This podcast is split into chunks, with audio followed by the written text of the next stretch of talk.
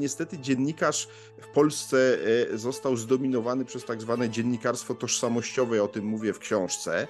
To jest w istocie rzeczy dziennikarstwo, które e, już z tak klasycznym dziennikarstwem nie ma nic wspólnego, natomiast w istocie rzeczy jest to forma zaangażowania politycznego, tylko inna niż się jest działaczem partii politycznej, jest się po prostu dziennikarzem, który wspiera tą partię polityczną i z czasem się przechodzi do polityki. Ludzie, zwłaszcza w internecie, przyzwyczaili się do tego, że treści mają być za darmo.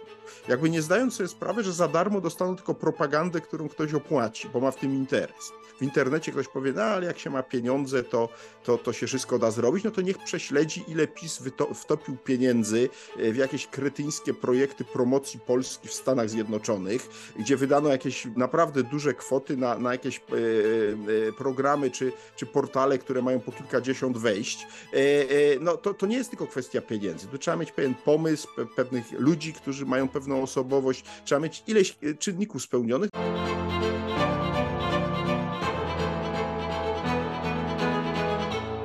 Ten materiał powstał także dzięki darczyńcom Nowej Konfederacji. Jeśli chcesz, żeby takie całkowicie niezależne analizy spraw o strategicznym znaczeniu dalej powstawały, rozważ proszę dołączenie do grona darczyńców Nowej Konfederacji. Bartłomiej Radziejewski. E, Dzień dobry drodzy Państwo, Marta Witczak-Żydowo. Zapraszam na kolejną rozmowę Nowej Konfederacji. Dzisiaj moim i Państwa gościem jest profesor Antoni Dudek, politolog, historyk, wykładowca akademicki i autor książki nie jednej, ale szczególnie dzisiaj podkreślimy jedną o dwóch takich, co podzieliły Polskę, wydaną przez wydawnictwo Nowej Konfederacji. Tak, witam Panią, witam Państwa i cieszę się, że możemy o tej książce porozmawiać e, jakiś czas po jej wydaniu, ale myślę, że ona jest ciągle aktualna. Dokładnie tak, bo drodzy Państwo, zachęcam też do sprawdzenia innych debat, rozmów wokół e, wspomnianej pozycji. My dzisiaj niejako kontynuujemy ostatnią debatę Nowej Konfederacji z profesorem Zybertowiczem, kiedy i profesor Dudek i profesor e, Zybertowicz zastanawiali się o wpływie władzy w dobie cyber, a my dzisiaj e, uszczegółowimy nieco ten temat. E, I e, skupimy się na stricte mediach i domyślam się, że na mediach społecznościowych, które dzisiaj odgrywają e, największą rolę. Oczywiście chodzi nam o rzeczywistość polityczną, ale szczególnie kampanię wyborczą, która nieubłaganie się zbliża i która pokazuje te mechanizmy polityczne, które dzisiaj rządzą światem.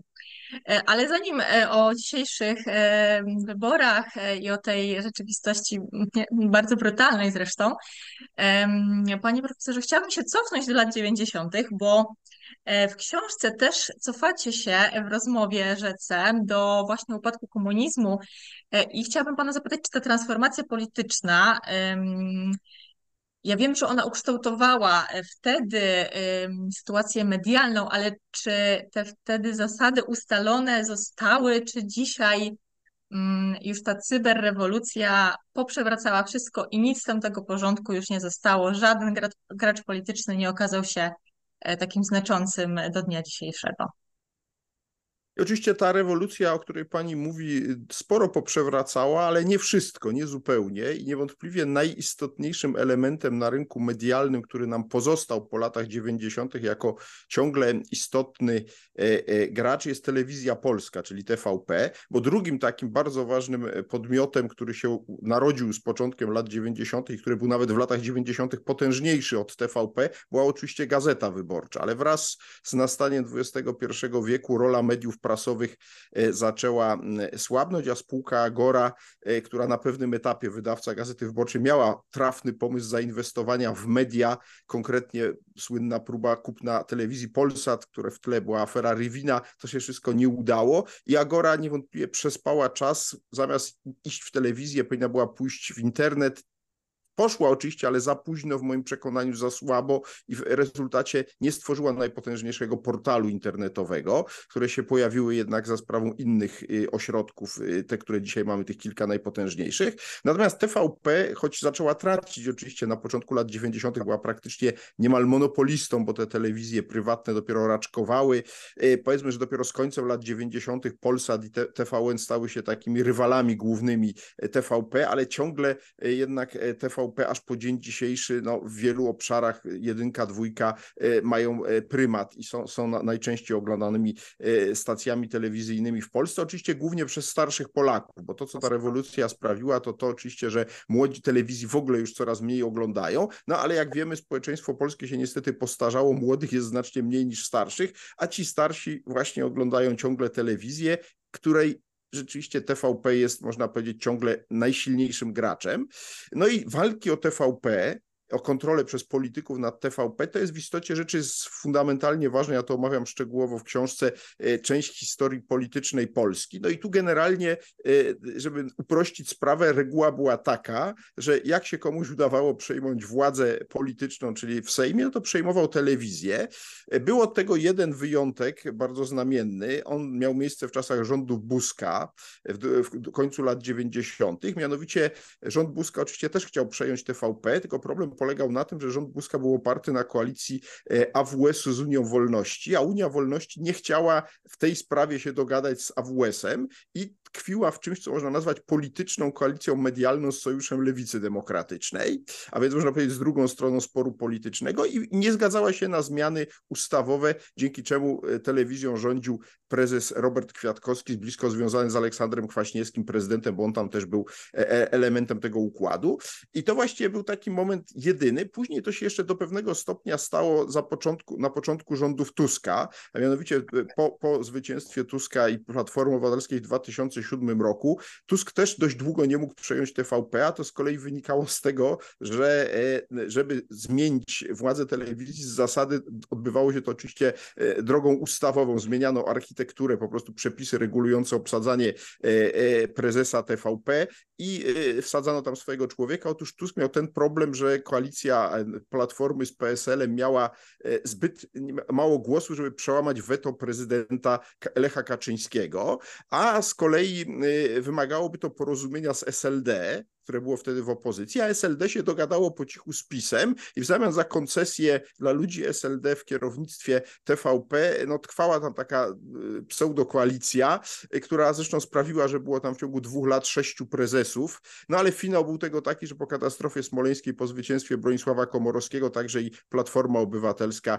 zdołała przejąć TVP, no i później oczywiście po 2015 sprawa jest oczywista, y, ponieważ PiS wziął całą pulę, miał swojego prezydenta, większość w parlamencie, to też bardzo szybko e, przejął, przejął e, TVP, z tym, że e, PiS wprowadził nowy element, o ile dawniej te wszystkie przewroty odbywały się na gruncie Krajowej Rady Radiofonii i Telewizji, a więc organu, który się pojawił jeszcze na początku lat 90., który miał obsadzać stanowiska prezesa TVP i innych mediów publicznych i która to Krajowa Rada Radiofonii i Telewizji jest wpisana do naszej konstytucji, to PiS, żeby obejść te wszystkie problemy i, że tak powiem, no, PiS lubi wszystkie rzeczy robić inaczej. Powołało, powołano po 2015 roku tak zwaną Radę Mediów Narodowych, e, która to Rada Mediów Narodowych właśnie, choć nie ma jej w konstytucji, de facto zabrała najważniejsze uprawnienia Krajowej Radzie Radiofonii i Telewizji, w tym obsadę prezesa TVP, no i go e, obsadza e, Jackiem Kurskim, a ostatnio panem Matyszkiewiczem, chociaż wiemy z historii ostatnich lat, że tak naprawdę oczywiście prezes Kaczyński decyduje o tym, kto jest prezesem TVP, a nie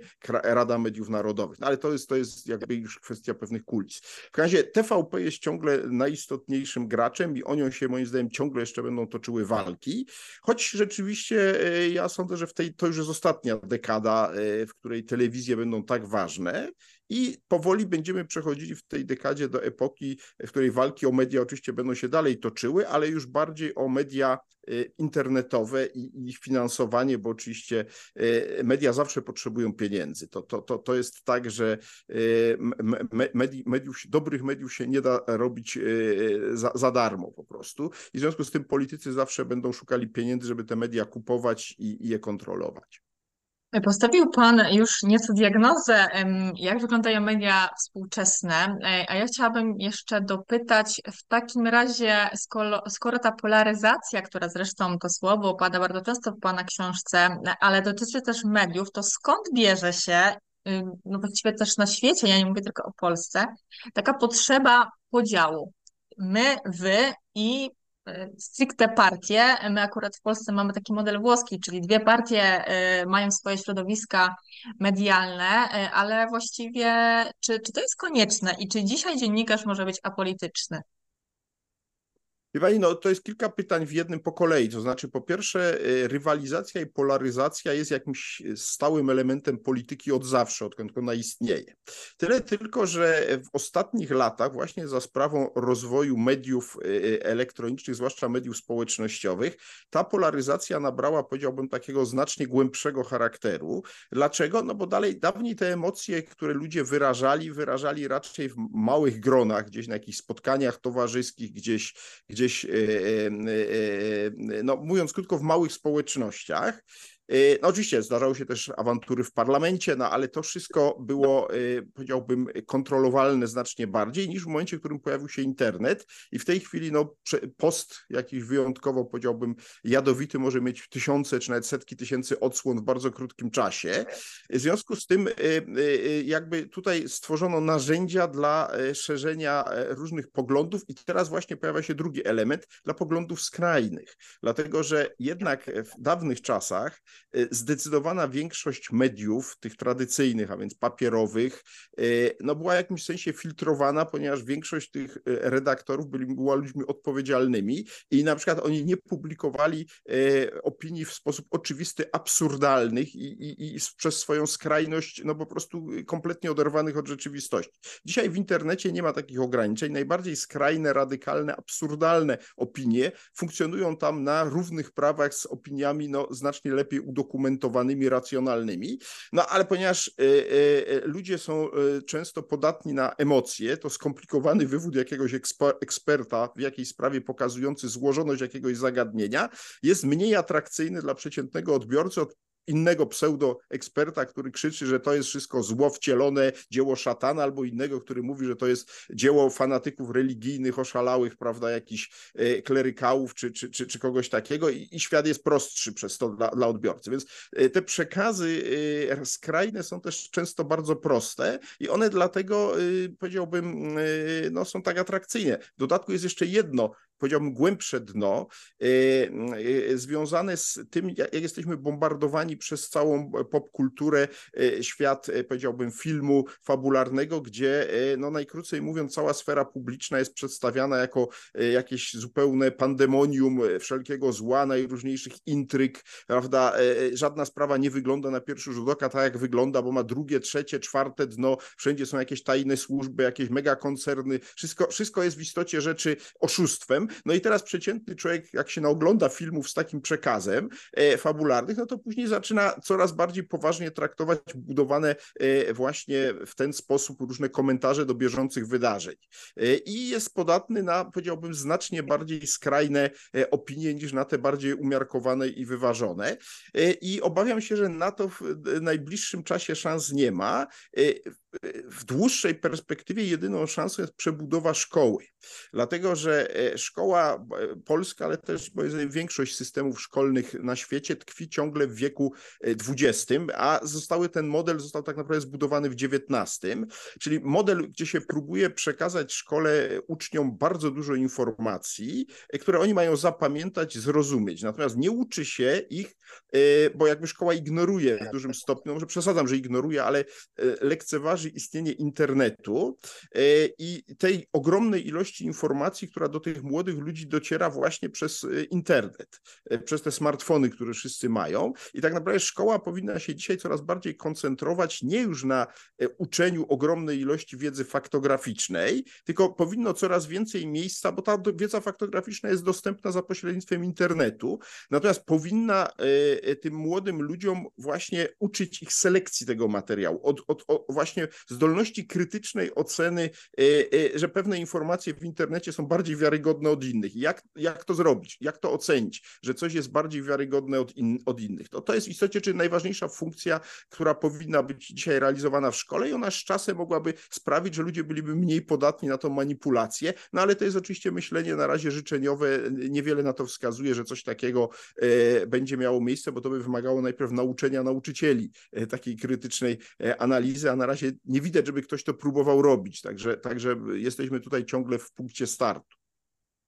Wspominał Pan o użytkownikach, którzy są bombardowani wieloma informacjami i bardzo trudno właśnie mm, przez ten dysonans poznawczy przejść i jeżeli e, edukacja się nie zmieni, e, jeżeli nie zwrócimy to większą uwagę, to e, no, mm, sytuacja będzie taka sama, ale właśnie czy dziennikarze, czy ich rola dzisiaj nie powinna być, czy nacisk nie powinien być bardziej położony właśnie na, na to, jak oni e, funkcjonują i jak e, przedstawiają nam rzeczywistość polityczną. Ja tylko dodam taki przykład z życia. Mój mąż wojskowy, kiedy oglądaliśmy paradę 15 sierpnia, był oburzony, jak tak można przedstawiać narrację polityczną, która oczywiście jest wzmocniona przed wyborami, która oczywiście miała na celu pokazać potęgę Wojska Polskiego, ale jak można do takiego stopnia dziennikarstwa dojść, że y, no, manipuluje się nami y, totalnie i nie ma żadnego y, takiego strumienia, który byłby choć już nie powiem obiektywny, ale chociażby wskazywał tą, tą drogę. Czy już takich dziennikarzy w Polsce nie ma i czy uważa Pan, że, no, że bardzo trudno się funkcjonuje, jeżeli się chce być takim naprawdę dziennikarzem z krwi i kości, którzy niektórzy, jak niektórzy no, rzeczywiście dziennik, tak, dziennikarze rzeczywiście mają coraz trudniejszą sytuację. Y, jest rzeczywiście kryzys ogromny dziennikarstwa, bo ja mówiłem o szkole, ale jest przecież rzeczywiście odpowiednikiem nauczycieli dla uczniów. Y, powinien być w tym doborze krytycyzmu, y, jakby potoku informacji, właśnie dziennikarz. No ale niestety dziennikarz w Polsce został zdominowany przez tak zwane dziennikarstwo tożsamościowe, o tym mówię w książce. To jest w istocie rzeczy dziennikarstwo, które już z tak klasycznym dziennikarzem, dziennikarstwem nie ma nic wspólnego. E, natomiast e, w istocie rzeczy jest to forma zaangażowania politycznego, tylko inna niż się jest działaczem partii politycznej, jest się po prostu dziennikarzem, e, który wspiera tą partię polityczną i z czasem się przechodzi do polityki. No mamy przykłady karier zresztą wielu dziennikarzy, którzy na pewnym etapie zostawali czy to radnymi, czy, czy, czy parlamentarzystami takiej czy innej opcji, z którą byli związani, a często pozostają oczywiście na tym froncie ideologicznym, jak to można by powiedzieć, przez całe życie, ale są hołbieni przez swoje formacje polityczne, dla których są często znacznie cenniejsi niż, e, niż e, e, ci zawodowi politycy. Natomiast dlaczego tak się stało? No tak się stało dlatego, że tego oczekiwali z jednej strony politycy, a z drugiej strony tego oczekiwała znaczna część czytelników. Otóż czytelnicy wbrew pozorom nie, gdy, bo pani, gdyby czytelnicy oczekiwali od dziennikarza przede wszystkim obiektywizmu, to dzisiaj tych dziennikarzy tożsamościowych byłoby dużo mniej. Szkopuł w tym, że znaczna część odbiorców pracy dziennikarzy oczekuje od nich nie obiektywizmu, tylko wyraźnego wytłumaczenia rzeczywistości podług ich sympatii politycznych. Czyli dziennikarz, który zaczyna ważyć rację, który zaczyna właśnie tak jak ten ekspert, o którym wcześniej mówiłem, pokazywać złożoność różnych zagadnień, e, zaczyna irytować takiego odbiorcę, bo on ma przecież jedno zadanie, ma pokazać, dlaczego nasi są dobrzy, a tamci są źli. Prawda? I oczywiście są tacy dziennikarze, którzy ciągle próbują jakoś ważyć rację, próbują być obiektywni, natomiast zwłaszcza w przypadku dziennikarstwa politycznego to jest niezwykle trudne, bo to nie jest tylko kwestia oczywiście oczekiwania odbiorców, ale też oczekiwania pracodawców. No, ponieważ większość mediów stała się mediami walczącymi, e, e, no to angażują się po jednej bądź po drugiej stronie i tacy też dziennikarze są tam promowani, a ci, którzy właśnie dają niejednoznaczne materiały, są e, sekowani czy wręcz usuwani z zawodu, no bo po co na taki dziennikarz, który nam napisze niejednoznaczny materiał, skoro nasi czytelnicy chcą mieć materiały bardzo wyprofilowane. Czy tak musi być? Nie. Ja uważam, że jest pewna grupa odbiorców, że ona jest w mniejszości mniejszości, która domaga się ciągle jakościowego dziennikarstwa. Teraz tylko kluczowym momentem jest e, chwila, w której jest pytanie, czy oni będą skłonni za to płacić.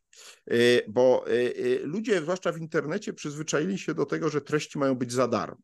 Jakby nie zdając sobie sprawy, że za darmo dostaną tylko propagandę, którą ktoś opłaci, bo ma w tym interes. Natomiast jeśli chcą mieć jakościowe dziennikarstwo, to będą musieli to wspierać i ja tu widzę pewną szansę. Nie wiem, czy to jest możliwe, ale wie pani, mogę sobie wyobrazić, że to się zacznie od pewnych bardzo znanych postaci dziennikarskich, które w końcu y, y, zdołają, y, albo już są dzisiaj na tyle popularne, albo poprzez właśnie internet zdobędą tą popularność i poprzez różnego rodzaju powiedziałbym, formę finansowania przez Patronite czy przez inne tego typu instytucje, zdobędą środki. Już pierwsze media tego typu się pojawiły. Media, które są finansowane przez odbiorców, ale którzy nie są jednoznacznie wyprofilowani ideologicznie, tylko oczekują rzetelnej informacji. I myślę, że takie media jakościowe będą się powoli rozwijały. Nie wiem w jakim zakresie, no to będzie zależało właśnie od tego, ilu znajdą e, sponsorów, ale przez to, że ci sponsorzy będą rozproszeni, to nie będziemy mieli tam do czynienia z sytuacją ewidentnego przekupywania takich dziennikarzy, zlecania im pewnych zadań, bo taki dziennikarz, który rzeczywiście będzie miał niewielkie wpłaty, ale powiedzmy od kilkuset e, czy od tysiąca kilkuset e, swoich odbiorców co miesiąc, będzie w stanie być naprawdę niezależny. Ja moim, moim zdaniem to jest wielka szansa. Ja uważam, że internet, y, który mówiliśmy teraz o jego wadach, moim zdaniem daje wielką szansę. Ja się tu odwołam do, do mojego kanału YouTube'owego. E, wprawdzie on nie jest o polityce i nie jest o dziennikarstwie, jest o historii najnowszej, a ja mam po raz pierwszy w życiu poczucie absolutnej wolności, jeśli chodzi o tworzenie treści, które tam są. E, ogranicza mnie tylko, że tak powiem, materiał historyczny, bo nie wszystko się da pokazać, nie, nie wszystko się da odtworzyć. Natomiast nie ogranicza mnie żaden, e, e, prawda, wydawca, który mu powie, a to się sprzeda, to się nie sprzeda, albo nie ogranicza mnie oczywiście żaden cenzor, z którym miałem też ostatnio do czynienia, kiedy wydawałem podręcznik do historii dla szkół, który musiał przejść przez ministerialną procedurę dopuszczenia i tu mi się pojawił taki taki rzeczoznawca ministerialny na moim profilu facebookowym zainteresowanych. Odsyłam do przeczytania szczegółów. No w razie tu mam poczucie całkowitej wolności. Ja myślę, że jest szansa dla dziennikarstwa tego rodzaju, ale to będzie zależało od nas, także odbiorców, czy będą chcieli płacić e, za takie jakościowe dziennikarstwo. Ja na pewno będę chciał za to płacić, bo mnie interesują i płacę, wspieram różne tego typu e, pro, projekty. No ale jest pytanie, czy będzie takich ludzi jak ja odpowiednio wielu. Jeśli będzie, to takie jakościowe dziennikarstwo przetrwa, natomiast oczywiście ono będzie ciągle zmarginalizowane, czy będzie walczyło z tym dziennikarstwem tożsamościowym, co uważam za, za, za i tak komplement, bo to bardziej nazwać, trzeba by to nazwać dziennikarstwem propagandowym. E, no mam nadzieję również, że to jest przyszłość mediów, e, ale zastanawia mnie jeszcze jedna rzecz. E, jak to się ma do sytuacji kryzysowych, jak na przykład wojna na Ukrainie? Widzieliśmy, jak działały w tym czasie media. Jak pan ocenia ten proces właśnie przekazywania tych informacji, oczywiście on się zmieniał z biegiem czasu i e, o czymś innym mówimy w momencie wybuchu wojny, o czymś innym mówimy, kiedy już powstały analizy, ale widzę na tym przykładzie bardzo, bardzo takim żywym i bliskim Polakom, jak pan ocenia ten przekazywania właśnie nam informacji w czasie... Pani, no, y, ja powiem, powiem, w ten sposób, y, wojna jest zawsze dla kraju, już nie mówię, który w niej uczestniczy, ale nawet takiego kraju y, przyfrontowego, który jest blisko po jednej ze stron tego konfliktu, jest zawsze w istocie rzeczy wyrokiem śmierci dla rzetelnej informacji. To powiem jasno i wyraźnie, to znaczy wojny można sobie obserwować z odległej perspektywy i wtedy można zbierać, ważyć racje, zbierać informacje z różnych różnych stron, próbować e, to jakoś analizować. W przypadku takiego kraju jak Polska, który się bardzo jednoznacznie opowiedział po stronie Ukrainy, jest jasne, że ten przekaz jest zdominowany przez przekaz proukraiński. Oczywiście u nas się pojawiają także i inne, e, zwykle są ci ludzie oskarżani o, o to, zresztą ruskimi onucami i tak dalej. Ja tak nie uważam, bo, bo oczywiście to jest tak, że Rosjanie próbują w Polsce działać, oddziaływać na naszą przestrzeń informacyjną, ale mam wrażenie, jak patrzę na to, bo to nie jest przecież tylko ostatni rok po ich efektach ich działań przez ostatnie trzy dekady to sukcesów tu większych nie odnieśli. W przeciwieństwie do wielu innych krajów e, e, w Europie Zachodniej nie tylko, gdzie rzeczywiście ta, ta rosyjska robota informacyjna jest silniejsza. Więc wie pani, ja mogę powiedzieć w ten sposób, no, mnie brakuje rzetelnych analiz e, sytuacji na froncie polsko-rosyjsko-ukraińskim, natomiast, natomiast ja rozumiem, dlaczego ich nie ma. No nie ma ich w dużym stopniu dlatego, że strona polska się opowiedziała jednoznacznie po stronie Ukrainy i u nas wszystkie analizy, które byłyby bardziej krytyczne wobec Ukrainy, są właśnie traktowane jako powiedzenie się po stronie Rosji. I mamy z tym problem, no ale to jest tak, jak wie pani, y, mają kraje, które są stronami konfliktu. Więc tutaj, tutaj, tutaj y, nie ma dobrego rozwiązania. Ja mogę tylko powiedzieć, że osoby naprawdę tym zainteresowane no, mogą korzystać z przestrzeni internetowej, szukać informacji poza Polską, w internecie globalnym i tam można znaleźć różne informacje, no, które pokazują różne wydarzenia od innej strony, ale też pamiętajmy o jednym. To znaczy, tak naprawdę, jeśli chodzi o wojnę, to rzetelna informacja jest niezwykle e, dozowana przez obie strony konfliktu, ponieważ obie strony toczą wojnę nie tylko na forum e, militarnym, ale też na forum informacyjnym i tak naprawdę ja uważam, że wszelkie dane, które podaje strona czy rosyjska, czy ukraińska na temat przebiegu tej wojny, należy opatrywać ogromnym znakiem zapytania, zwłaszcza jak to są dane liczebne o stratach przeciwnej strony. Zresztą powiedzmy sobie jasno, no, tu obie strony nawet tego nie ukrywają, bo one, proszę zwrócić uwagę, podają tylko informacje o stratach strony przeciwnej. O swoich stratach w ogóle milczą. E, I to jest bardzo znamienne. Ja nie mam o to do nich pretensji, tylko musimy zrozumieć szczególność sytuacji konfliktu zbrojnego, e, gdzie po prostu dezinformacja jest szczególnie ważna. I, I moim zdaniem ogromna część tych informacji na temat tego, co się dzieje wokół tego konfliktu, to jest dezinformacja, która jest celowo e, generowana przez obie walczące strony i trzeba mieć to, tego świadomość. I i po prostu y, na to nie ma antidotum. Akurat tutaj wojna jest szczególnym przypadkiem, jeśli chodzi o politykę informacyjną i moim zdaniem y, y, zawsze będzie rzetelna informacja z konfliktem zbrojnym przegrywała. Wspomniany przez Pana internet, social media, tak wielokrotnie w naszej rozmowie, no, myślę, że śmiało można powiedzieć, zmieniły krajobraz polityki, nie tylko krajowej, ale generalnie też międzynarodowej, jak przekazywane są wiadomości o wydarzeniach na świecie. I właśnie chciałabym się tu już skupić na, na nich stricte, e, bo e, no, wydaje mi się, że ta kampania, która się zbliża, znaczy, która trwa, a wybory, które się zbliżają w Polsce, też wiele rzeczy nam pokazały, jak coraz brutalniej podchodzi się i e, bezpośrednio do walki po jednej czy po drugiej stronie. I chciałabym Pana na początek zapytać, czy to jest tak jednoznacznie, że kodeks wyborczy nie nadąża za tym, co się dzieje w mediach. Czy to nie jest tak, że dzisiaj kampania się toczy stricte w mediach, a to, co, a to, co poza nią, takie strukturalne, ustawodawcze, to, to właściwie już jest tak, e,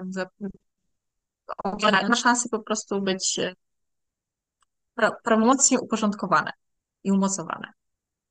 Wie pani, ja nie wierzę, mówiąc szczerze, w prawne regulacje e, zbyt szczegółowej, drobiazgowej kampanii wyborczych. Oczywiście są tacy, którzy na przykład rozważają, a może byśmy zabronili w ogóle publikowania sondaży nie na tak naprawdę 48 godzin przed wyborami, kiedy jest w ogóle cisza wyborcza, tylko na przykład na kilka tygodni czy kilka miesięcy. Ja powiem tak, to jest przeciwskuteczne i z tego by nic nie było. Ja w ogóle uważam, że nawet cisza wyborcza, ta ogłaszana w piątek przed niedzielnymi wyborami jest niewiele warta i nie ma to sensu.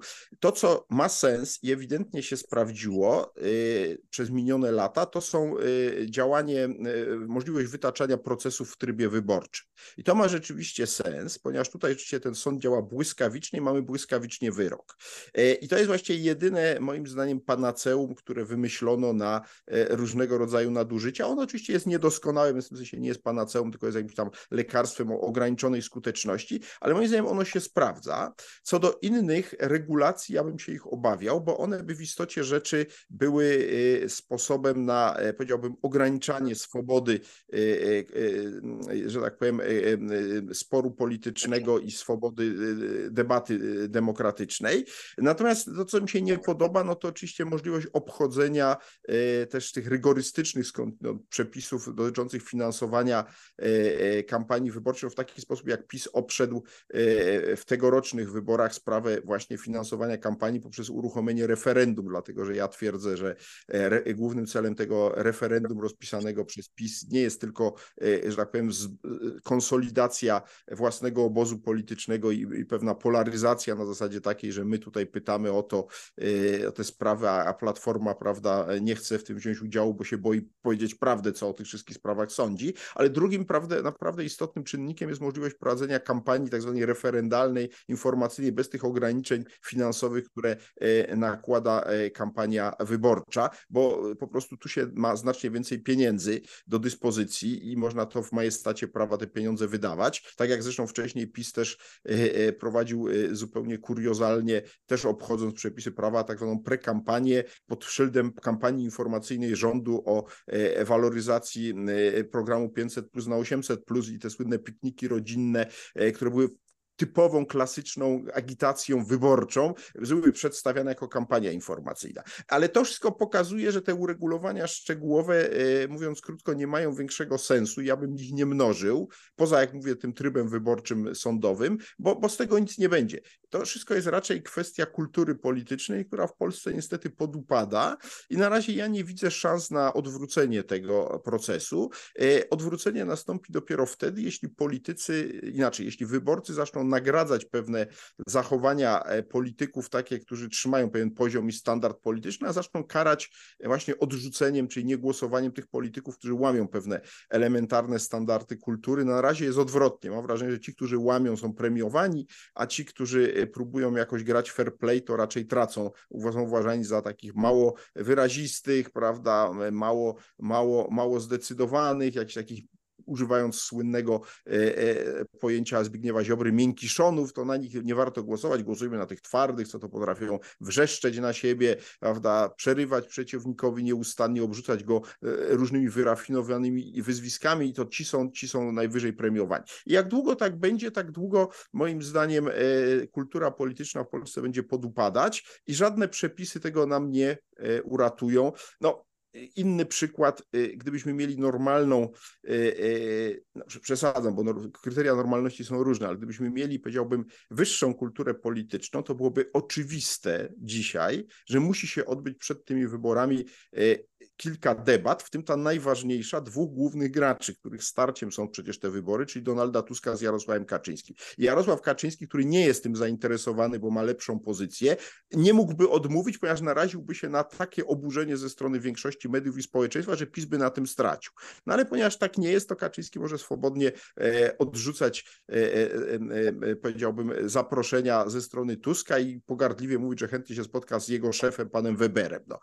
Wie pan, to, to, to jest, to jest metoda oczywiście deprecjonowania e, kompletnego e, przeciwnika. Zresztą nie tylko PiS ją stosuje, w przeszłości były też w odwrotną stronę, żeby była jasność tego typu e, chwyty stosowane, no ale to nam pokazuje, że ta, ta, ten poziom kultury politycznej w Polsce jednak upada. Symbolem tego było to, że nie mieliśmy w 2020 roku kampanii, debaty prezydenckiej między Trzaskowskim a, a Dudą po raz pierwszy od, od tak naprawdę roku 90. No wtedy też nie było, ale od 95 mieliśmy już zawsze e, e, mieliśmy debatę e, tych kandydatów, którzy przechodzili do drugiej tury wyborów prezydenckich. Dlaczego tak się stało? No dlatego, że, że, że obie strony uznały, że mogą sobie na to pozwolić, żeby do takiej debaty nie doszło i że w ich interesie leży, choć uważam, że Trzaskowski wtedy zrobił błąd i to on na tym stracił, że nie pojechał do tych końskich, no ale w każdym razie do tej debaty nie doszło i teraz też nie będziemy mieli debaty Kaczyńskiego z Tuskiem i w związku z tym cóż, no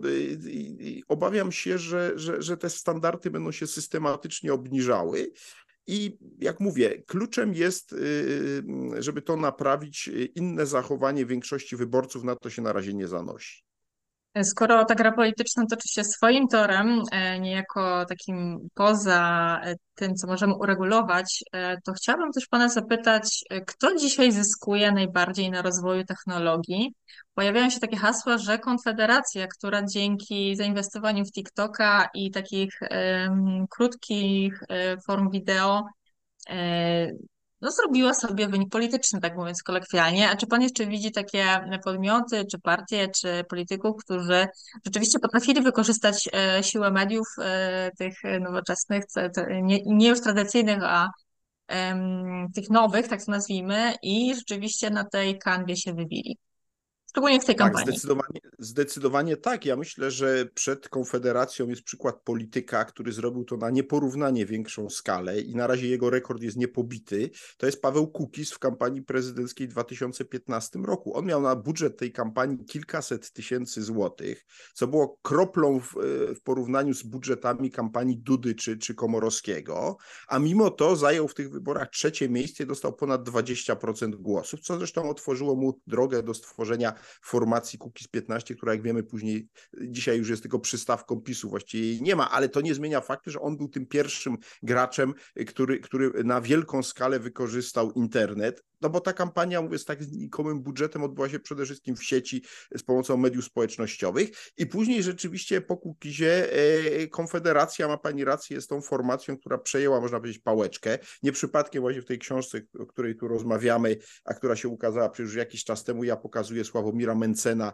jako przykład osoby, e, e, którą ja zauważyłem już w mediach na przełomie 2021-2022, gdzie? W mediach, nie w mediach tych telewizjach, bo tam go w ogóle, w ogóle go nie pokazywano, tylko w internecie, prawda, jako bardzo sprawnego e, właśnie TikTokera e, czy, czy, czy uczestnika różnych programów na YouTubie i to pokazało, jakie tu są możliwości. Teraz e, Konfederacja też siłą rzeczy została trochę do tego zmuszona, dlatego że ona nie ma wejścia do tych głównych mediów telewizyjnych, bo ani przecież TVP, ani TVN ich nie pokaże, ani nawet Polsat, no to się przebili przez internet. I w tym sensie internet jest de szalenie demokratyczny, bo jest, powtórzę raz jeszcze, daje na szansę rzeczywiście startu mniejszym formacjom, jeśli oczywiście ich ludzie są odpowiednio zdeterminowani przede wszystkim mają pomysły na to, jak zaciekawić odpowiednio wielu odbiorców, dlatego że tu w internecie ktoś powie, no ale jak się ma pieniądze, to, to, to się wszystko da zrobić, no to niech prześledzi, ile PiS wtopił pieniędzy w jakieś kretyńskie projekty promocji Polski w Stanach Zjednoczonych, gdzie wydano jakieś naprawdę duże kwoty na, na jakieś e, e, programy czy, czy portale, które mają po kilkadziesiąt wejść. E, no to, to nie jest tylko kwestia pieniędzy. Tu trzeba mieć pewien pomysł, pe, pewnych ludzi, którzy mają pewną osobowość, trzeba mieć ileś czynników spełnionych, natomiast Konfederacji rzeczywiście się to udało i jeśli Konfederacja zajmie w tych wyborach trzecie miejsce i zrobi wynik dwucyfrowy, co jest możliwe, choć nieprzesądzone, to w moim przekonaniu będzie to przede wszystkim dzięki właśnie dostępowi do internetu, a przede wszystkim właśnie TikTokowi, Facebookowi czy, e, czy, czy YouTube'owi, gdzie Mencen z Bosakiem też mają bardzo e, dużą oglądalność. No i oczywiście dzięki też kwestii wiekowej, bo, bo co tu kryć, no oni są też najmłodszymi z polskich polityków, tych pierwszoligowych. Inne formacje są, co tu kryć, sporo starsze i to też jest dodatkowy problem. Nawet jak Donald Tusk próbuje pokazywać, jaki on jest nowoczesny i też działa, można powiedzieć, aktywnie w mediach społecznościowych w przeciwieństwie do Jarosława Kaczyńskiego, to widać, że Tusk jest tu mniej wiarygodny, słabiej mu to wychodzi, to często e, wygląda sztucznie, no ale przynajmniej próbuje. Kaczyński sobie w ogóle odpuścił, zostawia to, to młodszym. Tak jest. Będziemy śledzić, co się będzie dalej działo. Swoją drogą te niektóre kampanie są naprawdę no, i śmieszne, i straszne, ale warto, żebyśmy zwracali uwagę na to, jak y, formułowany jest przekaz, o ile możemy się przebić przez to, y, jak, te spo, jak te marketingowe sposoby są tworzone. Ale panie profesorze, jeszcze jedno, już prawie na koniec pytania, nie mogę pana nie zapytać o sztuczną inteligencję. Czy widzi pan pole do tego, żeby już za kilka lat hologramy nam e, przedstawiały rzeczywistość medialną e, i żeby zastąpiły niejako polityków i partii. Nie no, polityków i partie sztuczna inteligencja nie zastąpi, no chyba, że się spełni e, w ogóle jakaś apokaliptyczna wizja niektórych e, e, futurologów, że właściwie w ogóle stworzyliśmy nowy gatunek i on nas właściwie wyeliminuje, nie wiem, zrealizuje się wizja totalnej zagłady, choćby, nie wiem, przed laty w Terminatorze przewidywana, że komputery, prawda, odpaliły rakiety, no i przetrwały w przeciwieństwie do gatunku ludzkiego, który gdzieś tam został zmarginalizowany. Nie, ja w to nie wierzę. No, uważam, że sztuczna inteligencja będzie bardzo pomocnym narzędziem i oczywiście wy kreuje nam sporo różnych problemów, no właśnie w postaci różnych na przykład spreparowanych filmików, e, e, które będą pokazywały e, polityków w różnych złych sytuacjach ich kompromitujących. Tyle tylko, że wie pani, no to będzie tylko nowa, doskonalsza wersja fałszerstw, które znamy od dawien dawna. Historia jest pełna historii różnych spreparowanych dokumentów przypisywanych różnym postaciom po to, żeby je skompromitować. Natomiast myślę, że sztuczna inteligencja nam może pomóc no właśnie w przygotowywaniu wielu wielu, wielu, wielu, wielu na przykład materiałów, yy, będzie, będzie selekcjonowała za nas materiał yy, do jakichś prac. Natomiast mówię, ja nie wierzę w to, że świat polityki w ogóle zostanie przez sztuczną inteligencję zastąpiony, bo to rzeczywiście byłby koniec ludzkości. Więc uważam, że to będzie jeszcze jedno bardzo ważne narzędzie, no, równie przydatne jak te wynalazki dwudziestowieczne, takie jak internet czy, czy telewizja, które na pewnym etapie ludzkości bardzo rozwinęły. Natomiast nie wierzę, wierzę w to, że sztuczna inteligencja się, można powiedzieć, wyrwie spod kontroli i całkowicie zautonomizuje w stosunku do nas, natomiast będzie oczywiście wykorzystywana, wie pani, no ale to jest trochę tak jak z tymi kampaniami wyborczymi, prawda, słynna historia firmy Cambridge Analytica, która rzeczywiście zaczęła oddziaływać bardzo mocno na, na, na wybory w Stanach Zjednoczonych i gdzie indziej. No, bardzo szybko konkurencja się też zorientowała, że tak jest i dzisiaj można powiedzieć, że te walczące strony sobie patrzą na ręce i się równoważą. Znaczy trzeba wymyśleć coś absolutnie nowego, żeby e, to, zaskoczyć tą drugą stronę, a tak naprawdę obie strony stosują podobne chwyty, czy wiele, wszystkie strony stosują podobne chwyty i to się w jakimś sensie równoważy. Więc, więc ja tutaj nie mam jakichś ogromnych obaw przed sztuczną inteligencją jako jakimś e, e, dramatycznym zagrożeniem, choć oczywiście mogę się mylić. No, nie kryję, że mówienie o przyszłości jest, jest dla historyka, którym jestem niezwykle trudne, bo, bo, bo, bo, bo to nie jest moja specjalność przewidywanie przyszłości, więc nie wiem, natomiast jestem optymistą w tym sensie, że historia rozwoju technologii na razie uczy nas jednego. Wszystkie wynalazki technologiczne z przeszłości, łącznie z wynalazkiem broni nuklearnej, którą przecież w końcu po raz pierwszy użyto, no już niedługo będzie 70 ponad lat temu, 1945 rok, prawda, która miała być zagładą ludzkości, no jednak jak się okazuje później już w warunkach wojen licznych nie była stosowana. Czyli mamy w przypadku ludzkości jakiś element samoograniczenia, który sprawia, że choć wiele się mówi o tym, że za chwilę ktoś użyje tej broni nuklearnej, no ostatnio była o tym mowa w przypadku konfliktu ukraińsko-rosyjskiego, to to jednak nie następuje. E, choć technologia jest dostępna i dzisiaj ilość głowic jest taka, że można by życie na Ziemi zniszczyć i tak jest zresztą od dość dawna, od mniej więcej przełomu lat 60., 70. XX wieku, kiedy zresztą tych głowic było więcej, bo części z nich utylizowano na szczęście, jak się zimna wojna skończyła. E, więc podsumowując, wie pani, zagrożenia są ogromne, ale trzeba patrzeć na przyszłość z optymizmem, dlatego że najgorszym scenariuszem jest, e, powiedziałbym, e, takie samo sprawdzające się prognozy katastrof. Tego ludzkość namnożyła bez liku w swojej historii. Na szczęście miażdżąca większość tych prognoz się nieszczęśliwie nie sprawdziła nigdy. I oby tak było. E, drodzy Państwo, tym samym doszliśmy do momentu, w którym mamy dla Państwa niespodziankę. E, mamy do rozdania aż trzy książki o dwóch takich, co podzieliły Polskę, czyli e, omawianej dzisiaj przez nas pozycji. Warunkiem, tak, żebyście Państwo otrzymali, no właśnie, bo tak. też prezentuje ten niebieski kolor, jest to, żebyście odpowiedzieli Państwo w komentarzach pod tym filmem na pytanie, które zaraz zada profesor Dudek. Pierwsze trzy osoby otrzymają od nas książki. Możecie będziecie, mogli Państwo wybrać formę, czyli albo tradycyjną, albo elektroniczną, ale pierwszym, więc e, kto pierwszy, po prostu ten lepszy.